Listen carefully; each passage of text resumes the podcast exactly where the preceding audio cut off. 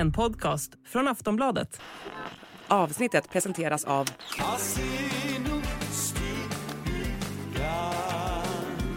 Stödlinjen.se, åldersgräns 18 år. Hej och välkomna till Kungligt. Jag heter Sara Eriksson. Och jag heter Jenny Alexandersson. Prins Harry är på plats i London för att vittna i rätten och vi ska prata om alla detaljer och det faktum att prinsens självbiografi nu vänds mot honom. Vi kommer också nämna bröllopet i Jordanien och att det råder stor babylycka i Storbritannien.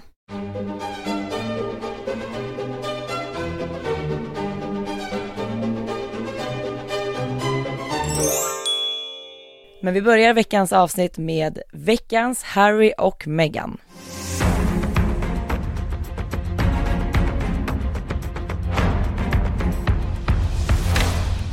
Igår tisdag så vittnade prins Harry i domstol i London. Det är inte första gången. Nej. Men det gäller ett stort rättsfall mot brittiska tidningar. Det handlar om anklagelser om telefonavlyssning och trakasserier. Och för två avsnitt sen så pratade vi om att prins Harry fått avslag i domstolen. Men det är ett helt annat fall. Det handlar om hans personskydd där Harry önskat då kunna köpa livvaktsskydd från brittisk polis när han besöker Storbritannien. Det här är någonting helt annat.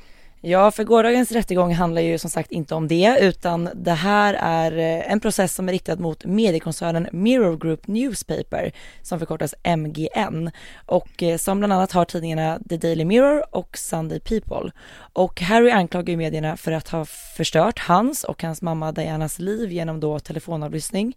Och Harry menar att medierna bär ett ansvar för dels hans mammas död, hennes psykiska ohälsa och prins Harrys egna psykiska ohälsa. Och Harry påstår att de uppgifter som tidningarna använder för att skapa stora rubriker och artiklar endast kan ha kommit till genom olaglig avlyssning och då främst telefonavlyssning. Och det handlar om att tidningarna lyckats komma åt kungligheterna och andra kändisar också, ska vi säga, deras mobiltelefonsvarare och lyssnat av meddelanden därifrån. Men även annan slags telefonavlyssning. Alltså Sara, kommer du ihåg, alltså på 90-talet när man fick sin första mobil. ja. Om man hade en telefonsvarare på den så var ju alltid den här första koden 000. Just det. Mm. Eller 40 tror jag det var. Det är det, alltså dels det att man har utnyttjat det att kunna kliva in då i, i sån här... Få access till, Få till access. den här röstbrevlådan. Och man jobbade också väldigt mycket med att lämna just röstmeddelanden. Mycket För- mer än idag. Ja, idag är det ganska, om man får en notis idag om att man har fått ett eh, voicemail, då blir man så här, vad är det här nu? Ja. Oftast är det någon som bara har ringt för länge och glömt att lägga på. Ja. Sällan någon pratar in. Men det här är alltså vad det handlar om i Harrys fall och vid klockan halv elva igår brittisk tid så klev prins Harry in i vittnesbåset i Royal Courts of Justice och han han avlade ju eden. Han hällde upp ett glas vatten innan hans advokat då, David Sherborne frågade honom så här, hur önskar du att bli tilltalad? Och då svarade Harry att han vill bli tilltalad som prins Harry i rätten. Mm. Och de här artiklarna som då är uppe för granskning, de är utvalda av prins Harry. De var från början 143 stycken och 33 har då valts ut inför rättegången. Och Harry han bekräftade att det här urvalet hade han gjort i samråd med sina advokater. Och han svarade att det är de här då som visar sig innehålla de mest uppenbara och mer, mest påträngande eh, detaljerna och att det är baserat då på olaglig verksamhet. Och de här artiklarna då som det handlade om, de är skrivna mellan 1991 fram till 2011 och texterna som skrevs påverkade prinsen oerhört mycket. Eh, det fick Harry att tvivla på alla i sin närhet eftersom att det hela tiden fanns en udd sanning i det, i det som skrevs om honom. Och Harry menar att det var information som var ytterst privat och som tidningarna då blåste upp ordentligt och ja men de gjorde stora rubriker på det hela. I de här anklagelserna så framkommer det att Harry senare faktiskt fick reda på att hans telefon mycket riktigt hade avlyssnats. Han nämner också i den här eh, domstolsprocessen att han blivit utsatt för ett utpressningsförsök.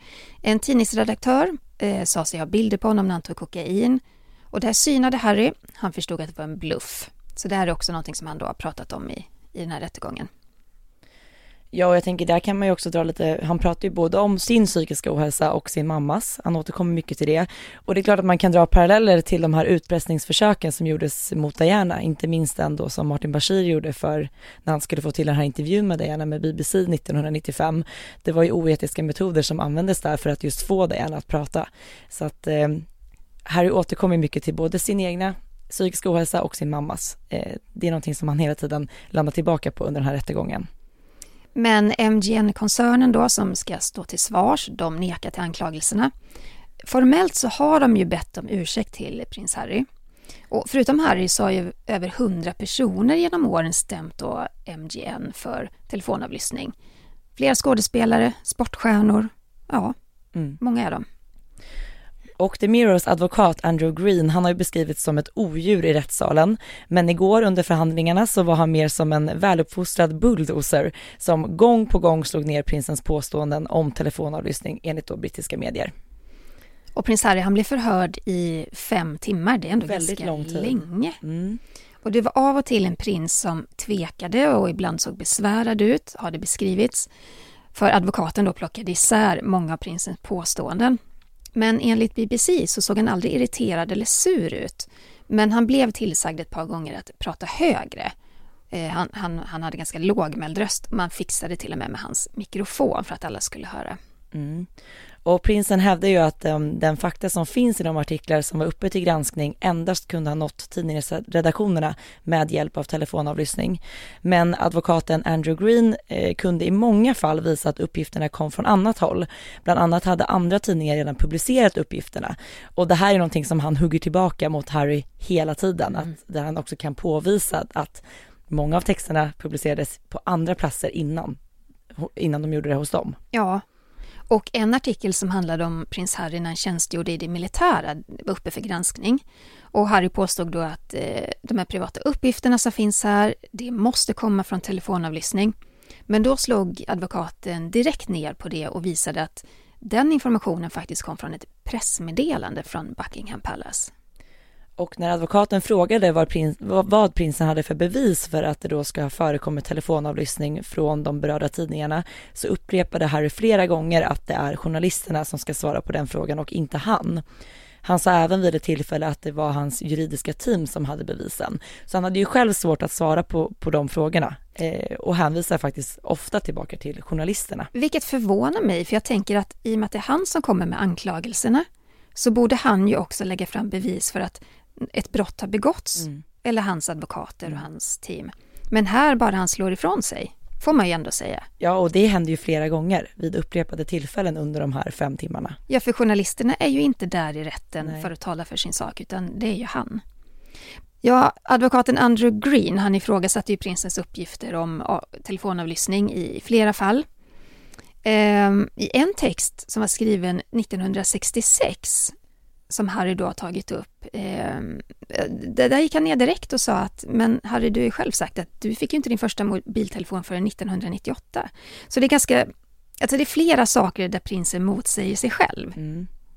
Och, och, en annan artikel som tas upp här, då beskriver ju Harry, eller artikeln beskriver hur Harry slår en paparazzi-fotograf utanför en nattklubb och det hände då 2004. Och Harry berättade i rätten att det var mycket riktigt så att han slog till fotografen. Men enligt Harry så stod fotografen och retade honom och provocerade prinsen för att just få fram en reaktion så att det skulle då finnas smaskiga bilder att publicera.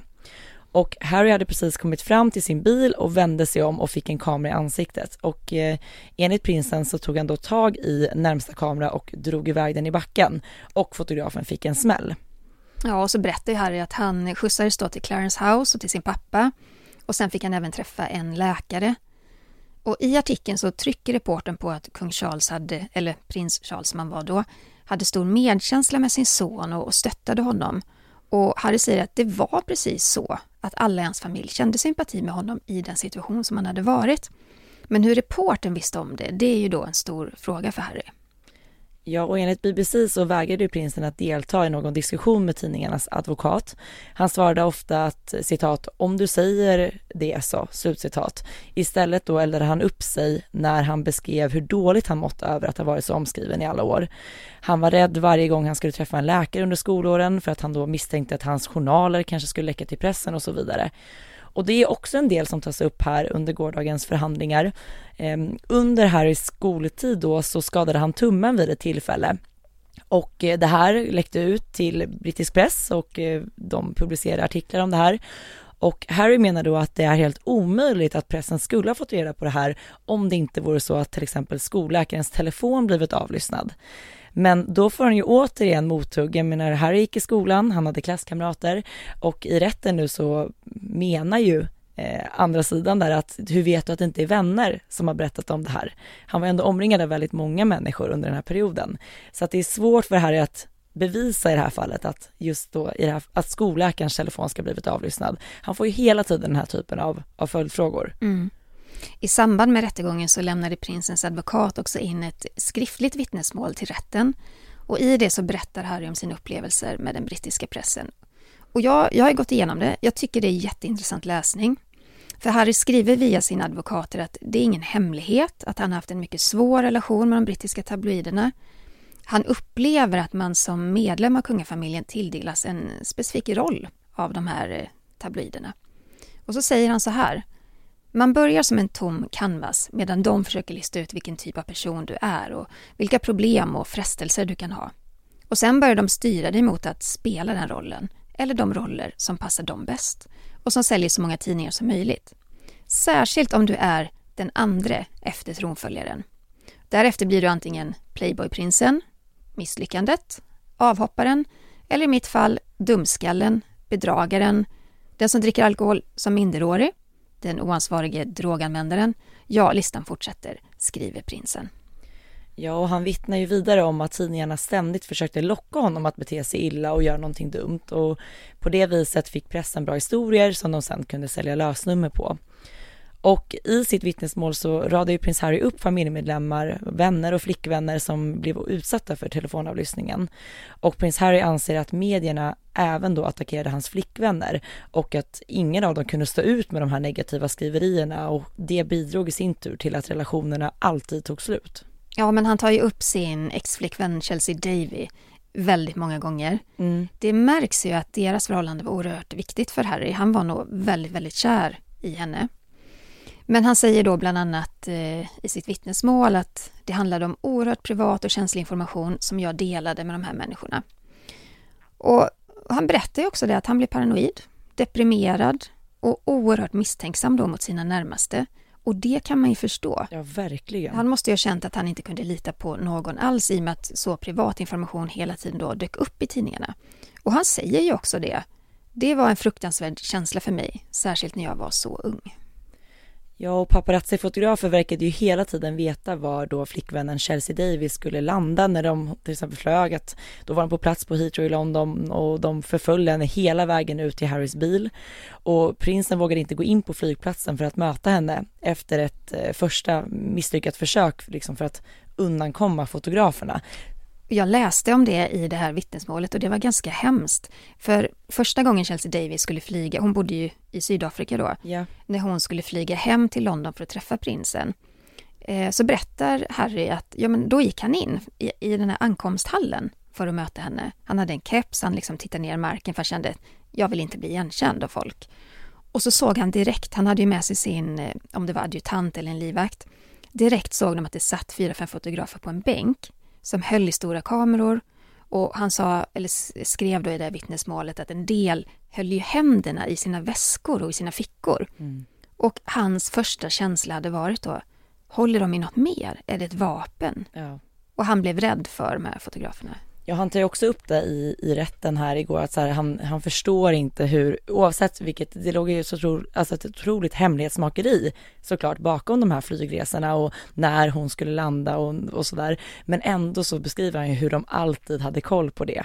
Eh, jag kan liksom inte ens föreställa mig den känslan i, som du säger, så här, dels var fotografer och allting hur han var förföljd, men också den här känslan, har de någonting annat? Ja. Den rädslan som både han blev utsatt för och också hans flickvän. Men hur kunde de fått reda på information om flyget om de inte hade avlyssnat en Exakt, telefon? och det är ju det som, som Harry tar upp också i rätten igår, att han, han menar ju på att ni måste ha avlyssnat våra samtal eller voicemail för att få reda på det här. Och en annan del som har att göra just med de här, när, när flickvännen flög till London, eh, han menar på att det har publicerats en artikel eh, där hon alltså det är ett citat från henne som har publicerats där hon säger, jag kanske inte citerar exakt rätt nu, men någonting, jag är så kär eller jag är så lycklig. Eh, och Harry menar att så här, vem skulle hon ha pratat med dem på flyget då? För det hävdar ju då motparten att hon har sagt det till en medresenär. Eh, och Harry menar på att våran relation var tvingad att vara så privat i och med att det blev skriveri hela tiden. Så det då använder Harry som argument i att ni måste ha lyssnat och hört oss själva prata om det här där hon har uttryckt eh, sina känslor för mig. Harry och Chelsea de var ju tillsammans i ändå ganska många år, lite så här on and off. Mm. Men till slut då så fick ju Chelsea nog och gjorde slut med Harry. Eh, och mycket av det eh, kom sig säkert från att hon var så jagad och så utsatt och omskriven hela tiden. Men då säger Harry i sitt vittnesmål att det var otroligt upprörande för mig på den tiden. Mm. Och en annan artikel beskriver ju hur Chelsea då skällde ut Harry och slängde på luren i örat på honom. Och det ska handla då om skriverier om att prinsen fått en lapdance av en tjej på Spearmint Reno. Det är en nattklubb va? Mm. År 2006. Och rubriken för artikeln Jenny, den var lite speciell. ja, men det är ju typiskt brittiska tabloider att de så ska vrida och vränga på orden. Men rubriken var i alla fall Shell Shocked. Och Harry berättade i rätten att ja, han hade pratat med Chelsea över telefon. Han hade lovat henne att han inte alls fått någon lapdance. Han hade varit där med tre kompisar från armén och alla de tre kompisarna hade då flickvänner. Och prinsen menar att reportern som skrev artikeln kan ju endast ha fått de här detaljerna genom att lyssna på det samtalet. Och det fanns också då detaljer om samtalets längd och exakt innehåll som verkligen var på pricken. Och Harry säger även att hans juridiska team då visat honom utbetalningar som, har gjorts, alltså som gjorts via reporten i samband med artikeln. Eh, och det var tre olika personer och eh, troligtvis då privatdetektiver eller någon som haft då liksom möjlighet att avlyssna då. En annan sak som eh, prinsen tar upp under de här domstolsförhandlingarna det är de här illasinnade ryktena om att hans riktiga pappa skulle vara Dianas ridinstruktör James Hewitt. Och han beskriver de här rubrikerna och artiklarna som sårande, elaka och onda. Jag tänker det är ju rykten som faktiskt fortfarande än idag lever kvar och som folk faktiskt pratar om och jag menar hur intensivt måste inte det ha varit under den här perioden särskilt? Ja. Och det, man kan ju lägga till att ja, James Hewitt är jättelik Harry, samma röda hår, lite samma fräknar och så vidare. Men, eh, men jag menar, det, det är ju bara rykten. Ja, Ja, ja, hundra procent. Och det är klart att det har varit väldigt jobbigt för Harry den delen också. Att hela tiden mötas av rubriker gällande då att tidigare då prins Charles inte skulle ha varit hans riktiga pappa. Eh, men enligt de här juridiska dokumenten då så blev prins Harry och hans familj avlyssnade mellan 1999 och 2009. Och i januari i samband med att prinsens bok The Spare släpptes så medverkade ju Harry i en hel del olika intervjuer, bland annat en med ITV. Och där så berättade han ju faktiskt att pappa kung Charles ska ha varnat Harry för att ta sig an brittisk press. Han ska ha kallat det för ett eh, självmordsuppdrag. Men Harry har ju verkligen tagit den här kampen och han vill ju förändra hur medier arbetar. Och han har ju själv sagt att det är en livsuppgift uppgift för honom nu att ta sig an det här. Mm. Under rättegången så kritiserade han även de journalister som skrivit artiklarna och sa att de var riktigt fega som då vägrade vittna i rätten. Men hade Harry fortsatt vara en del av det kungliga huset så hade han inte kunnat delta i en rättegång eller stämt tidningarna på det här viset. Det finns en slags kunglig konvention om att inte stämma tidningsutgivare, i alla fall i Storbritannien. Och det är ett unikt fall att prinsen gör det här Senast en kunglighet framträdde som vittne i en domstol, det var 1891. Det är, över, det är 100, över 130 år sedan. Det är länge sedan. Och det var drottning Victorias äldsta son, prins Albert Edvard, senare kung Edvard den sjunde, som vittnade i ett förtalsmål som gällde kortspel. Ja, det var lite annat som det handlade om, den rättegången. Ja, ja men verkligen. Men vi ska försöka summera lite grann eh, kring den här rättegången. Den pågår ju även idag. Vi spelar in då onsdag den 7 juni. Och det kommer nog pågå eh, veckan ut i alla fall. Ja, men en, en grej som är väldigt så här slående genom hela den här rättegången, det är ju att boken som Harry har skrivit, Despair, den används ju faktiskt ganska mycket emot honom. För MGNs advokater använder ju då själv, självbiografin emot honom. De lyfter flera exempel där Harry själv beskrivit olika scenarion, scenarion i boken som inte helt går ihop med det han faktiskt sitter och vittnar om i rätten. De menar ju bland annat att det är svårt för honom att bevisa att viss information då, att den inte ska ha läckt från hovet själva, eftersom att Harry i sin biografi och även i Netflix-serien hävdar då att hovet själva använder sig av olika metoder för att skydda sina egna. Och i boken så har ju Harry själv beskrivit hur han hade svårt att lita på sina vänner, eh, vilket Harry till stor del, alltså nu säger beror på den här telefonavlyssningen, men att man, han då har beskrivit det på ett annat sätt i boken. Så att helt plötsligt används då den här självbiografin emot honom på Mhm. ett ganska så starkt sätt. Det är väldigt speciellt. Mm. Under rättegången så attackerade Harry också journalisten Piers Morgan. Piers Morgan var ju tidigare eh, programledare i Good Morning Britain, men han fick lämna programmet efter att han då sagt att han anser att Harry och Meghan ljugit i den här stora omtalade intervjun hos Oprah Winfrey. Och Harry påstår att Morgan, som tidigare var chefredaktör för Daily Mirror, det var han mellan 1995 och 2004, ska ha skrämt både Harry och Meghan sen han inled, inledde då rättsliga förfaranden mot eh, utgivaren Mirror. Och han säger så här. Tyvärr som en konsekvens av att jag framförde mitt anspråk mot Mirror Group har både jag och min fru blivit utsatta för fruktansvärda personliga attacker och hot från Piers Morgan. Förmodligen i hopp om att jag ska backa och innan jag ställer honom till svars för hans olagliga aktivitet mot både mig och min mamma under hans redaktörsperiod. Och prinsen sa även att eh, tanken på den tidigare redaktören för Daily Mirror och hans citat, grupp av journalister som avlyssnade hans mammas meddelanden, citat, får mig att må fysiskt illa. Så det är ganska hårda ord här mot Piers Morgan. Ja, och han har ju såklart inte varit sen med att svara på detta. Eh, han fick ju frågan av Sky News vad han tyckte om prinsens kommentar och Piers Morgan svarade att han inte sett prinsens kommentar men tillade så här, citat. Jag önskar honom lycka till med sin kampanj för privatlivet och ser fram emot att läsa om det i hans nästa bok, slutcitat. Aj, aj, alltså vi måste ju ändå, alltså Piers Morgan, han är ju, han är ju alltid väldigt vass, han kan vara ordentligt elak, han kan vara sexistisk och han kan vara det ena med det andra. Eh, han kan också vara väldigt träffande i sina kommentarer. Alltid. Ja, Det var ju också därför, eh, jag menar, jag vet inte, ni som lyssnar kommer säkert ihåg det, där vi pratade om att han fick lämna Good Morning Britain. Det, han fick ju näst, nästan till ett raserianfall i direktsändning, vilket gjorde och att stormade ut. stormade ut och blev, jag tror att det var med väderreporten i nyhetsstudion för att han ifrågasatte ju såklart eh, Piers Morgans ganska så aggressiva och vassa ton gentemot, Mot Meghan. eh, gentemot Meghan. Vilket gjorde att han stormade ut ur studion i direktsändning och kom aldrig tillbaka. Mm. Men han har ju alltid en väldigt hård ton och eh, han har ju också hela tiden förnekat att han avlyssnat några telefoner när han var chefredaktör för Daily Mirror. Mm. Förhandlingarna pågår, de, de pågår ju i detta nu, Mm. idag onsdag. Eh, det här kommer vi följa under dagen, både du och jag Sara, absolut. Och vi kommer ju såklart hålla er uppdaterade kring vad som händer i nästa veckas podd.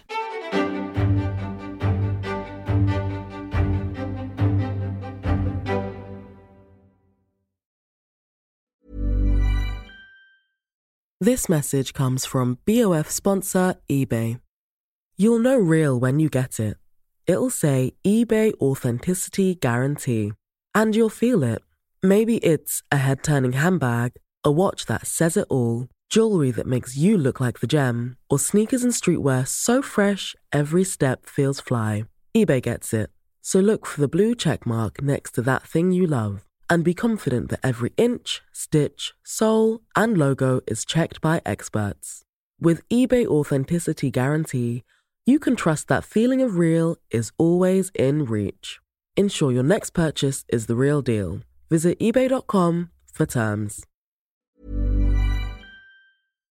Men under tisdagen då, i går, gårdagen för oss nu, så hann de ändå gå igenom 21 av totalt eh, 33 artiklar som han, Harry då har tagit upp.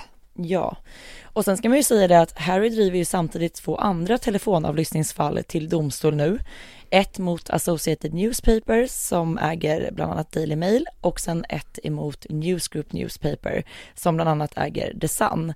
Men i dessa fall har det ännu inte meddelats, meddelats något prövningsbeslut så vi får se lite vad som händer där helt enkelt. Ja, och sen det är ju väldigt mycket med Harry och rättegångar just nu.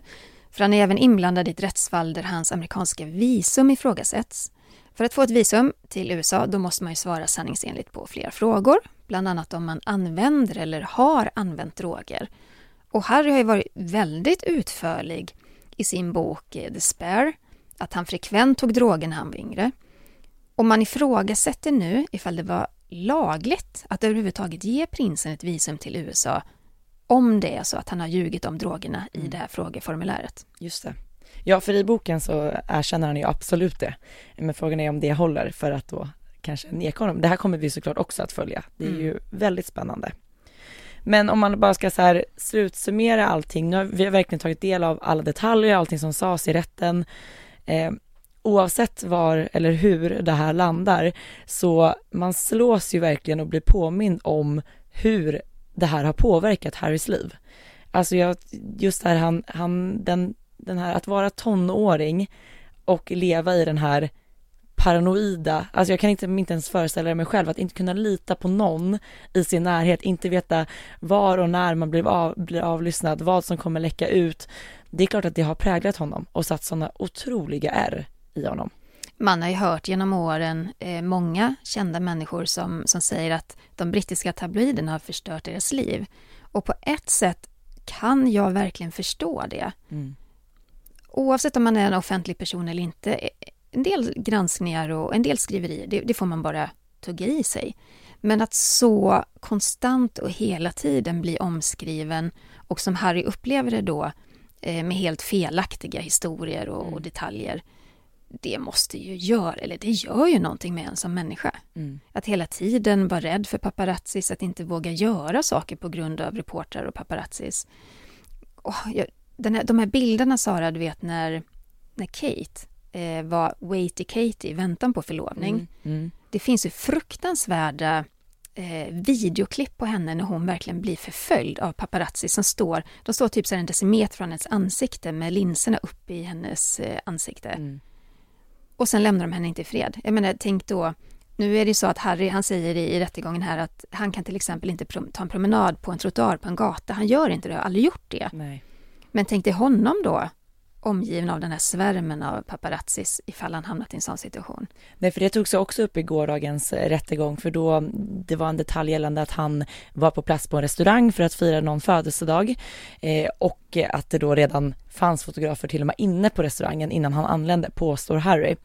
Eh, men då menar ju då eh, MGM att eh, ja, men de kanske såg dig när du var på väg till restaurangen och Harry svarade bara jättekort, jag, jag promenerar aldrig. Nej. Ingen kan ha sett mig. Han har liksom alltid behövt tagit en bil fram till platsen där han ska vara och snabbt in, eh, omringad då av eh, säkerhetsteamet såklart. Eh, och det kanske är just där, alltså så, så som det har påverkat honom, hans liv, hans mammas liv och hela hans familj. Det är väl också det som ger honom nu liksom drivkraften till att orka driva den här processen, tänker jag, och flera andra processer samtidigt. Att nej, det verkar ju inte som att bevismaterialet är särskilt starkt i och med att hans anslag hela tiden blir ju alltså ifrågasatt och hur ska du kunna bevisa och så vidare. Men det finns ju ändå ett driv i Harry att verkligen lyfta den här frågan. Han ser det som sin eh, livsuppgift Mm. och han tycker att det här är oerhört viktigt. Frågan är om han kan förändra någonting. Jag har svårt att se att han skulle vinna i domstol kring det här därför att eh, han han kan inte riktigt bevisa att det har skett någon olaglig telefonavlyssning. Men kanske att han kan genom den här processen, i och med att den är så publik och så offentlig och så omskriven, kanske driva igenom någon slags självrannsakan hos medierna, någon slags förändring på, på något sätt. För det är ju ändå omänskligt att leva under sådana här villkor. Ja, verkligen. Och vi kommer ju såklart att följa det här och prata mer om det här i podden. Nu ska vi prata om Sverige. Igår var det nationaldag Mm. eh, och som vanligt så delade familjen upp sig lite grann. Kungaparet var i Strängnäs. Det var så härligt att se de bilderna. Drottningen var ju klädd i helt gult från topp till tå och kungen i marinblått och med en så här himmelsblå slips. Jag tycker de var som en levande symbol för Sverige. Ja men verkligen och det var ju ett, ett lite mer storslaget firande i år i och med att Sverige också firar 500 år. 500 år sedan Gustav Vasa valdes till kung och eh, det var ju väldigt symboliskt då såklart att kungaparet var på plats i Strängnäs och där inleddes hela det här firandet. Och samtidigt här i Stockholm så var det ju kronprinsessparet som i år då öppnade portarna till vad man kallar för öppet slott. Och jag var inte på plats på slottet, men jag passerade eh, utanför slottet och det var ju så mycket folk som hade samlats. Eh, strålande sol, ett fantastiskt väder. Det är klart att det lockade många besökare eh, till slottet. Carl Philip han var ju med vid vaktombytet på slottet så honom fick man också en skymt av. Och sen i vanlig ordning så samlades ju kungafamiljen i Stockholm på kvällen. Man åkte i kortege genom Stockholm till Solidenscenen på Skansen. Mm, och eh, jag stod längs med Strandvägen faktiskt när kortegen passerade. Jag såg dig på Insta. Du stod inte, du satt och hade ett glas rosé i handen. Nej, jag tänkte att jag inte skulle bli avslöjad. Ja, okej, okay, jag tar om. Jag stod inte utan jag satt eh, första parkett eh, utanför, bredvid Hotell Diplomat finns det som en liten, det heter ju butiken, det är lite mm. mer som ett café. Alla längst fram där satt jag absolut och jag hade absolut ett glas rosé framför mig. Härligt. Avslöjad.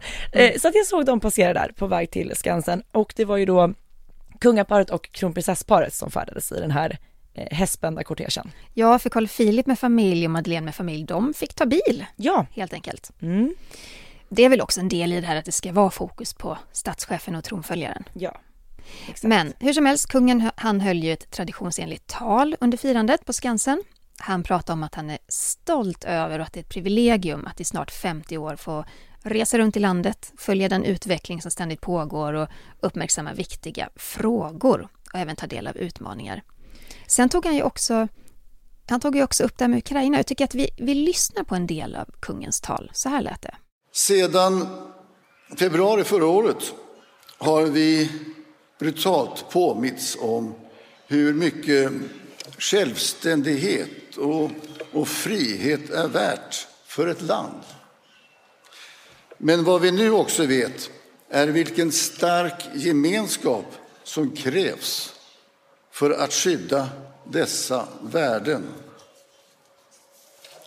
Tillsammans med många andra stater hjälper vi vårt attackerade grannland Ukraina. De människor som bor i Ukraina har självklart rätt att njuta av ja, sommarkvällens frid och skönhet precis som vi gör här i Stockholm och Sverige denna vackra afton. Jag tycker det är väldigt eh, fint och såklart väldigt viktigt i den tiden vi är i nu att han, att han pratar om det här och, och påminner oss alla om vad som faktiskt pågår i eh, Ukraina och hur viktigt det är att vi alla liksom står upp för det. Och ja, men just det här, det var så tagande tycker jag, jag kommer inte ihåg exakt vad han sa nu, men just det här att, att vi kan vara här i Stockholm och njuta av den här sommarkvällen och andas den här luften på det sättet vi gör och aj. Jo men och ja, ukrainarna har lika stor rätt som vi att ja. andas frihetens rena luft. Ja. Det, det är ändå fint. Ja. Tagande. Och också den, det han pratade om att, ja men att våran flagga, blått och gult, att när vi idag, eller när vi då under nationaldagen hissade den, att de här färgerna, i och med att det är samma färger som Ukrainas flagga är, så att de har fått en, en djupare mening för oss alla. Mm. Sen var det också lite rörelseglädje. Ja, en blinkning till prins Daniels genpepp, kan jag tänka mig. Ja. För eh, Panetos, de dansade och fick med sig hela publiken.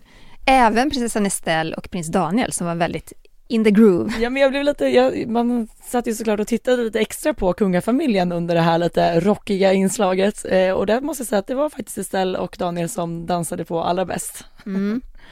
Sen efter det så var det ju nationaldagsmottagning. I vanliga fall så är det ju på Kungliga slottet. Men den här kvällen så var det på Nordiska museet för att man bjöd ju faktiskt in 800 gäster. Politiker, representanter för det officiella Sverige och många fler. Och jag stod eh, vid Nordiska museet i en pressfolla där. Du har lagt upp ett jättefint klipp Jenny på din Instagram, Kungligt ja. med Jenny, om man vill se hur den här entrén såg ut. Ja, det var väldigt fint. Ja. Eh, för då kom ju, alla damerna kom ju i Sverigedräkt. Mm. Jag noterade faktiskt att det var första gången som prinsessa Madeleine hade de, de traditionella låga skorna. Hon brukar alltid komma i en hög klack. Jag noterade också det. Vi brukar mm. alltid se henne matcha Sverigedräkten med pumps. Ja. Eh, men i år såg hon ut som eh, alla andra kungliga damer. Mm. Eh, det var lite fint för att kungen då han anlände i en av hovstallets äldsta bilar, en Daimler SE27 limousin. Stor och tung bil, den har plats för åtta passagerare. Det var inte han som körde. Nej. Eh, men eh, ja, resten av kungafamiljen kom ju också i bilar. Men sen kom politiker och alla andra gäster i ett stort festtåg mm -hmm. från Skansen ner till museet. Så de promenerade dit då? Ja, mm. det är ganska kort bitar. Mm. Men Kungen i alla fall, han stannade till på första trappsteget och så vände han sig om och väntade in hela sin familj. Och han såg Jag vet inte, han såg väldigt så nöjd och glad ut. Jag tror att han känner att det är skönt att alla är samlade. Även Madeleine och Chris nu då. Ehm, det var ju faktiskt Chris och Madeleines första officiella framträdande sedan de då offentliggjorde att de ska flytta hem till Sverige. Ja, och eh, alla kungabarnen var ju där och som du sa Jenny såg väldigt glada ut och eh, prinsessan Estelle och prins Oscar var ju också på plats men om jag förstod det rätt så var de inte med hela kvällen sen inne på själva mottagningen. Nej, men Sara vet hur duktiga de var ändå barnen. Men Estelle och eh, Oscar, Oscar är ju sju. Det, först sitter de igenom hela den här eh, föreställningen då på, på Soliden scenen på Skansen. Sen då gör de entré på Moderna Museet, då är det ändå kväll liksom. Nordiska museet. Nordiska museet, förlåt. Ja. Eh, då var ju ändå klockan kvart tio, åtta när de anlände. Men jag tror att de fick lämna ganska snabbt. De var med på fotograferingen. Eh, sen är man nog rätt trött som liten. De var ju också med och öppnade slottet där på dagen så det var ju väldigt många så här En lång dag. en lång dag och liksom den här just officiella biten som de faktiskt ännu inte är jätte, jätte vana vid även om Ja. de såklart success- successivt skolas in i det. Så att de var nog ganska så trötta där Mm, efter de har gjort entré på Nordiska museet. ja. Vi ska också prata lite kort om Jordanien. Det måste vi göra.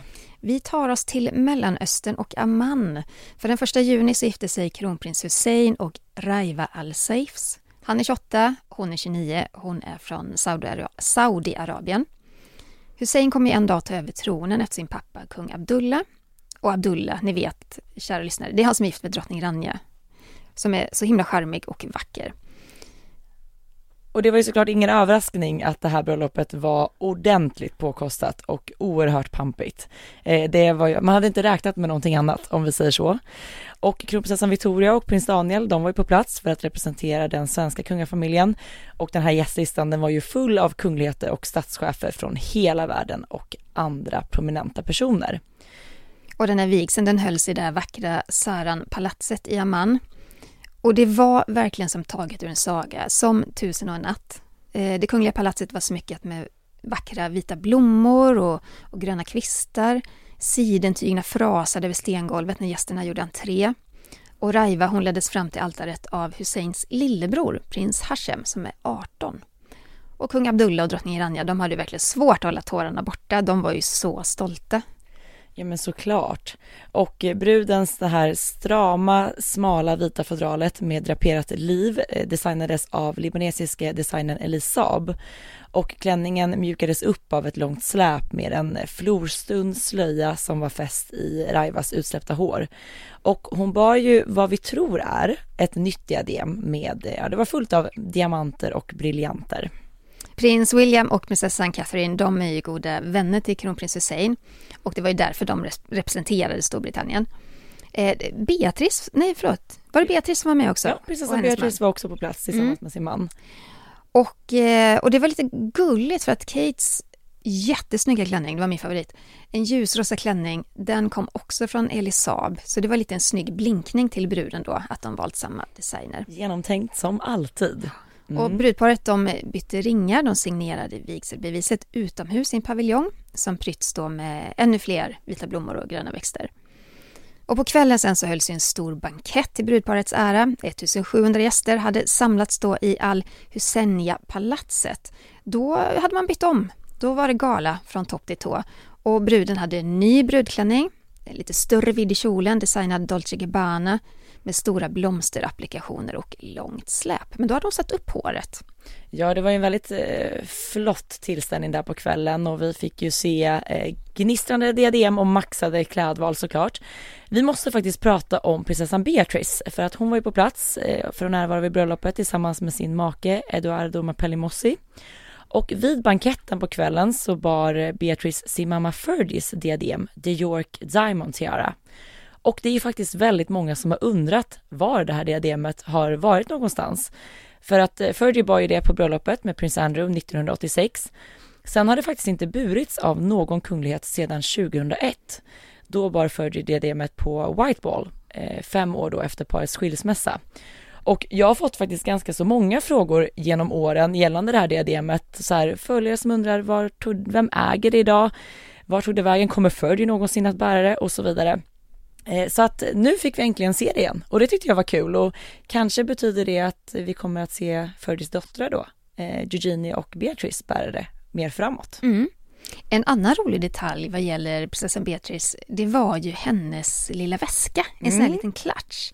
Eh, en handväska i ett hårt material, som en liten box och det är Sofia Webster som har designat. Och så står det på den här boxen, eller lilla handväskan, Wifey for lifey.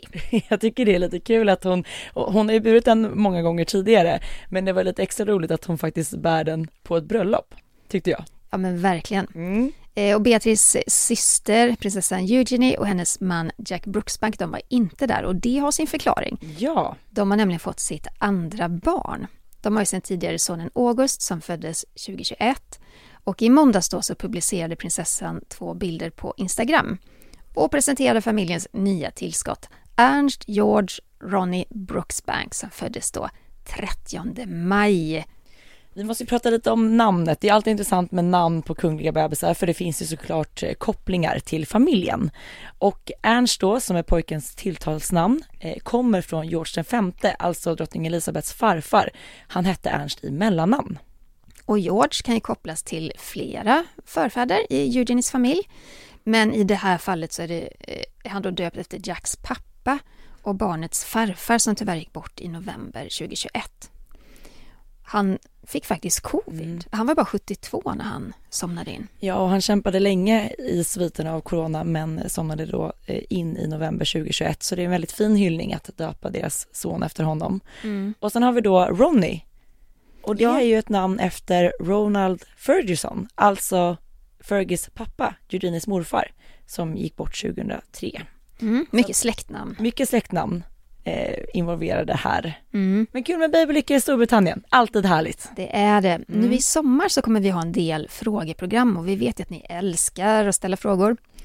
Mejla till kungligt aftonbladet.se Gör så ska vi ta upp just din fråga. Ja, och glöm inte att följa oss på Instagram. Där hittar man dig under namnet Kungligt med Jenny och du finns under namnet. royalistan.se. Vi hörs igen nästa vecka. Tack för att ni har lyssnat. Tack snälla, hej då! Hej då!